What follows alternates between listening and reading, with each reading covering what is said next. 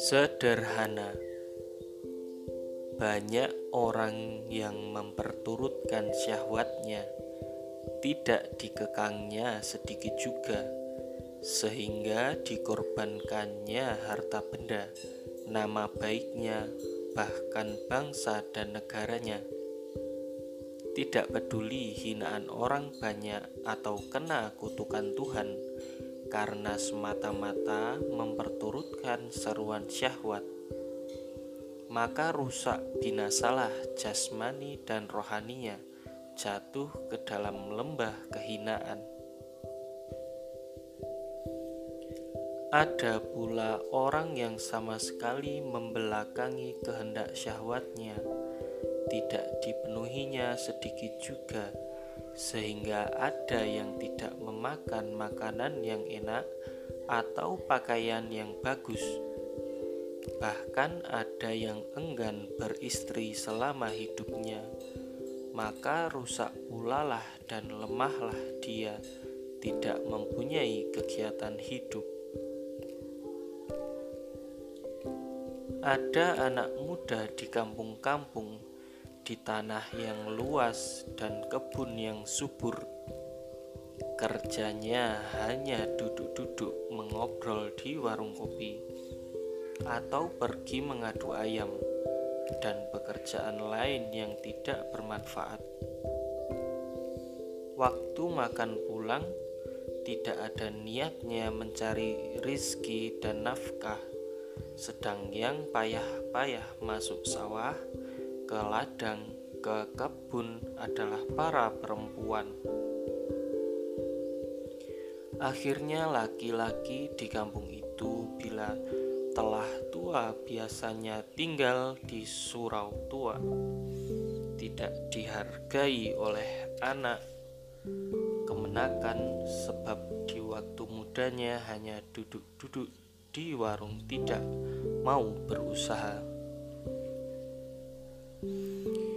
Ada pula yang giat bersungguh-sungguh mencari rezeki siang malam, petang dan pagi, lupa kesehatan, lupa tidur, lupa makanan yang enak, bahkan kadang-kadang lupa memakai pakaian yang agak bagus. Karena meskipun dia bersungguh-sungguh mencari kehidupan, kerjanya hanya mengumpulkan bukan membelanjakan. Di antara kedua macam perangai itu, ada perangai yang terletak di tengah-tengah, tidak memperturutkan syahwat, tetapi diberinya juga sedikit, sekadar melepaskan yang menyakiti betul. Waktu muda tidak disia-siakan.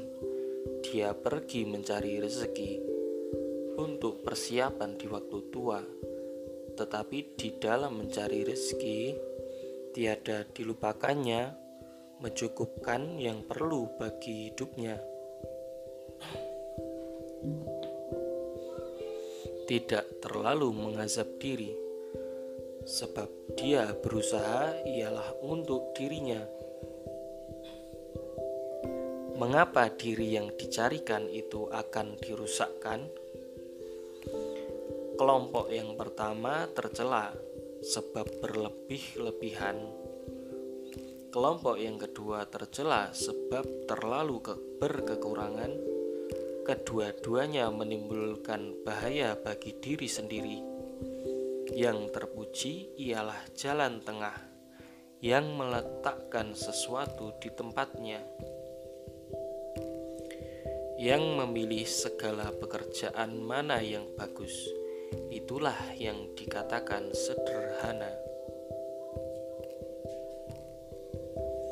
Orang yang sederhana, yang tidak terlalu condong dan tidak terlalu rebah, syahwat yang dibolehkan syarat sekalipun tidaklah melebihi mesti ketika mengambil kesempatan dari keharusan itu, misalnya boleh memakan makanan yang enak, mentang-mentang harus boleh, tidaklah dilahapnya lebih dari kekuatan perutnya. Dibolehkan oleh syarat beristri sampai empat, asal saja sanggup, adil dan mampu. Mentang-mentang mampu, dia lupa kesanggupan dan keadilan dia hanya ingat kepada kemampuan, lalu dia beristri dua, tiga, dan empat. Salah sedikit ceraikan satu, tinggalkan dua, ganti lagi, cari pula janda muda atau perawan yang lain. Akhirnya, tidak ada kesempatan lagi baginya untuk mengurus rohaninya, hidup jiwa dan ibadahnya kepada Tuhan hanyalah mengurus giliran malam para istrinya. Akhirnya anak-anaknya kocar kacir. Orang yang sederhana, meskipun terhadap perkara yang dibolehkan, dia sederhana juga. Ingat sajalah ketika Rasulullah Shallallahu Alaihi Wasallam hidup diperintahkan kepada umat Islam supaya turut mengerjakan sholat malam. Tetapi kemudian, karena ada yang akan mencari rezeki, berniaga, dan yang akan pergi ke medan perang, perintah itu diringankan daripada yang semula, hanya diberatkan kepada Nabi saja.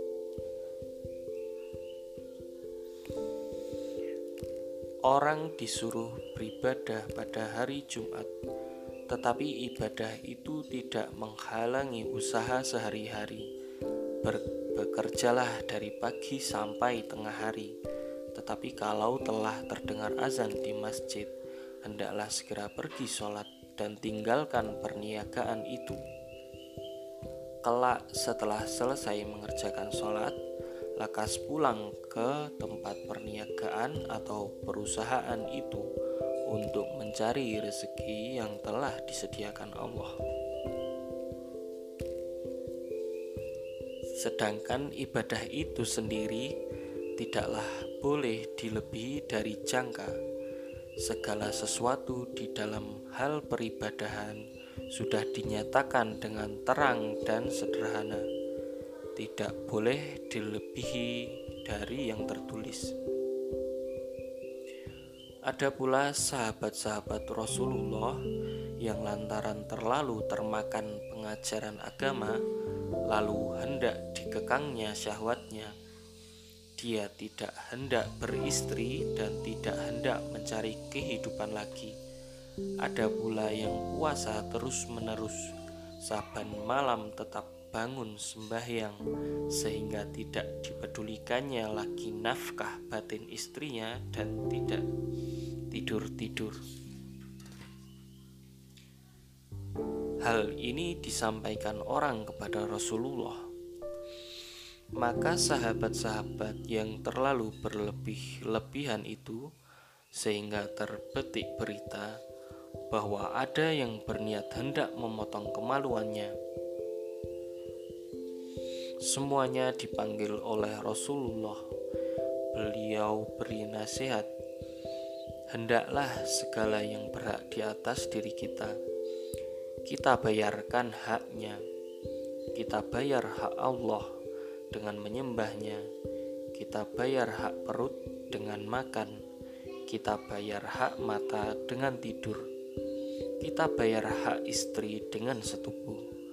Lalu beliau bersumpah bahwa imannya lebih teguh, takwanya lebih dalam, hatinya lebih dekat kepada Tuhan. Namun dia sendiri tidaklah puasa berterus-terusan.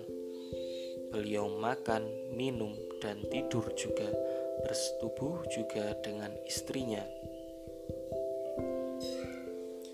Sejak itu, beliau larang umat berpuasa terus-menerus satu tahun diharamkan puasa pada satu syawal sebab hari itu hari raya ada pula sahabat Rasulullah yang mencoba puasa siang dengan malam terus-menerus tidak berbuka dan tidak makan sahur. Perbuatan itu dilarang pula oleh Rasulullah, tetapi ada pula sahabat yang membantah. Berkata dia, "Ya Rasulullah, Paduka sendiri kami lihat puasa berterus-terusan. Bagaimanakah?" Beliau jawab bahwa diri beliau sendiri lain, meskipun beliau tidak makan berbuka, tidak makan sahur Makanan beliau telah tersedia dari Tuhan. Mereka hendak menurut juga. Ramadan telah hampir habis. Telah lepas tanggal 20 dan 21 dan 23 dan puasa pun habislah. Rasulullah belum juga makan. Dia lebih kuat dan biasa mukanya bertambah berminyak-minyak sedangkan Pak Turut yang tidak mau percaya itu terpaksa mengalah dan makan. Sebab itu nyatalah sederhana yang boleh disebut istiqomah atau tegak lurus di tengah-tengah dan iktidal atau sama berat. Disuruh di dalam ibadah sendiri yang akan mendekatkan diri kepada Allah apalagi di dalam pekerjaan seharian yang tidak mengenai ibadah, perkataan, perbuatan, dan gerak-gerik. Semua hendaklah menurut jalan yang telah ditentukan, menurut suruh agama dan menghentikan larangannya. Berusaha menuntut kesempurnaan diri, mencapai budi yang utama, menjauhi segala kedurjanaan, Semuanya hendaklah menempuh jalan yang telah ditentukan agama, sebab agama telah memilih jalan yang sederhana untuk kemaslahatan kita di dunia dan akhirat. Kita harus jujur, karena kejujuran itulah yang sederhana dan yang lurus. Kita tak boleh bohong, kita mesti lurus, tak boleh menipu kita tidak boleh royal dan tidak boleh bakhil. Kita tak boleh terlalu pendorong dan kita tak boleh pengecut. Karena semuanya itu merusakkan tali hubungan kita dengan Allah dan dengan insan dan menghilangkan sederhana. Sederhana niat dan tujuan yang akan disederhanakan ialah niat dan tujuan, bukan bekas keluar. Banyak orang menyangka lantaran seseorang berpakaian yang koyak dan murah atau rumahnya kurang indah, orang itu dikatakan sederhana. Kalau dari sana hendak diukur kesederhanaan, kita tidak akan bertemu hakikat yang sebenarnya kita tidaklah dapat berpedoman kepada yang lahir, menunjukkan kesederhanaan. Banyak orang-orang kaya yang termasyur, terpandang, terkemuka dalam masyarakat. Banyak pula penulis, penganjur, pengarang, dan ahli seni yang tidak memperdulikan pakaiannya, rumah tangganya, bukan karena lupa tamak kepada uang dan ingin mengumpulkan harta, bukan pula karena bakhil, tetapi oleh karena tidak sampai pikirannya hendak menimbang perkara-perkara yang berkecil-kecil. Bagi mereka, asal sudah dapat berkhidmat kepada umum, Walaupun pakaian dan kediaman itu tidak bagus kelihatannya, sehingga tidak sepadan dengan kedudukannya yang ditinggikan orang, semuanya itu tidaklah menjadi kenangan kepada mereka. Tujuan sederhana tidak terletak pada bentuk lahir, bukan kemestian orang kaya dan masyur saja bukan pula kemestian si fakir dan papa saja. Sederhana niat, sederhana tujuan, ialah tujuan segala manusia yang berakal.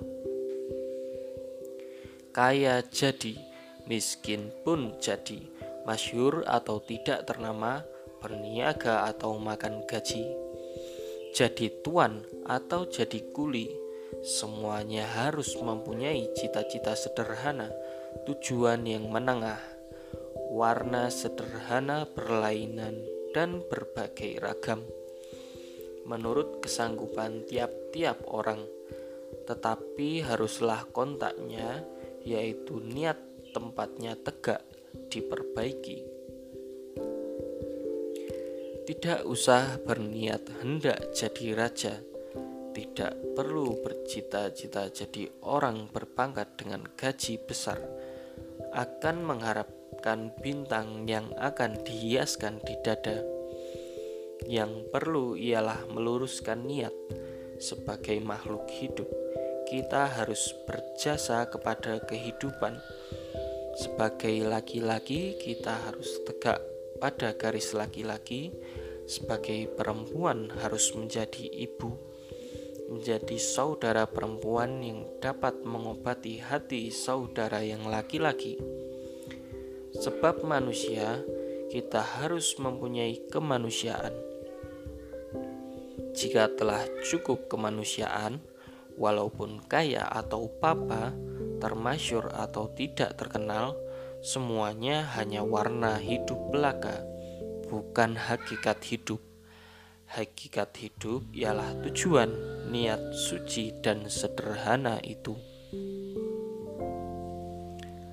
Sederhana berpikir supaya tercapai tujuan niat yang suci itu dan teratur urusan kehidupan kita, tercapai keselamatan hidup di dunia yang fana menjelang akhirat yang baka, hendaklah kita mementingkan pikiran kita sendiri.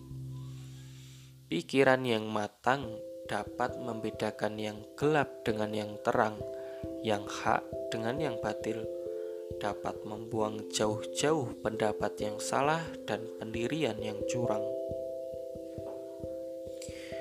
Kalau tidak dengan pikiran yang teratur beres, tidaklah lahir kemanusiaan yang sempurna dan tidak pula akan maju langkah menuju kemuliaan dan ketinggian. Yang amat berbahaya bagi hidup ialah pikiran yang tidak tegak sendiri, yang hanya berlindung atau terpengaruh oleh pikiran orang lain. Kekuatan hanya apabila ditolong orang lain tidak dapat dibiarkan hidup sendiri. Tak ubahnya dengan rumput yang tumbuh di bawah naungan pohon beringin, hidup segan mati tak mau, sebab dia tidak mendapat cahaya yang langsung dari matahari. Satu kegilaan yang menghilangkan sederhana ialah merasa kagum pada diri sendiri, pongah dengan nama dan turunan sehingga lupa menyelidiki di manakah kekurangan diri. Kesudahannya, segala kesalahan hanya ada pada orang lain tanpa saya sendiri suci, benar, jujur. Kita saja yang berkata begitu, tanpa kita insyafi, orang yang jujur pun pergilah seorang demi seorang tinggallah orang-orang yang suka mengangguk-anggukkan kepala, yang tiada bercakap terus terang menunjukkan kekurangan kita.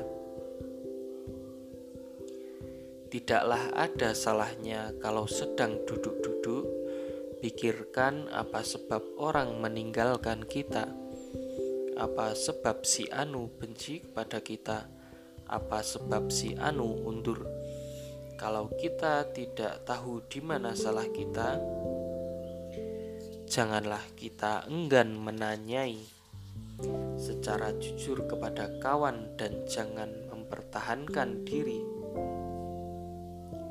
Hendaklah di dalam berpikir seseorang itu diketahui jalan manakah yang telah ditentukan oleh Tuhan terhadap kita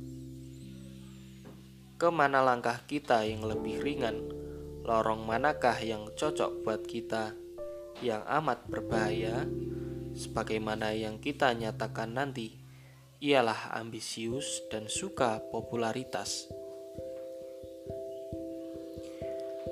Hendaklah sadar bahwa kita datang ke dunia bukanlah disuruh untuk melihat-lihat dan menilik-nilik diri di dalam kaca sambil membusungkan dada.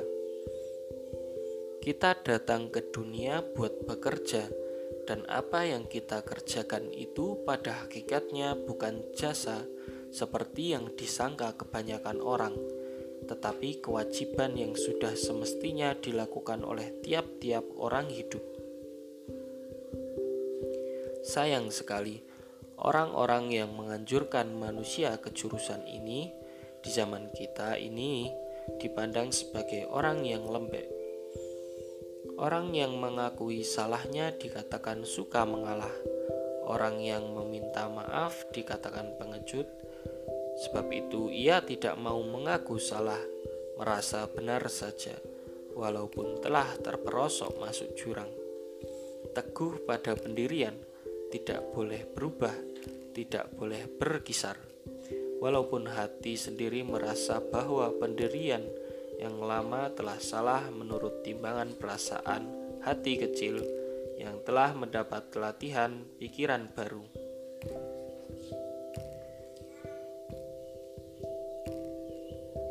Mempergunakan akal dengan saksama adalah serupa main olahraga juga. Berkehendak kepada latihan yang lama, kesungguhan yang tidak berhenti-henti Orang yang berakal memandang ringan segala kesusahan, lumrah segala halangan yang menghambat tujuannya, sebab mulia tujuan bertambah sulit pula menempuhnya. Dia bukan mengingat payahnya mendaki yang sekarang, tetapi yang diingatnya ialah bahwa sesudah dia sampai di puncak bukit itu, dia akan merenung ke bawah melihat alam yang terbentang dengan luasnya. Di sana nikmat Allah datang bertubi-tubi, tidak putus-putus dan tidak berhenti-henti. thank you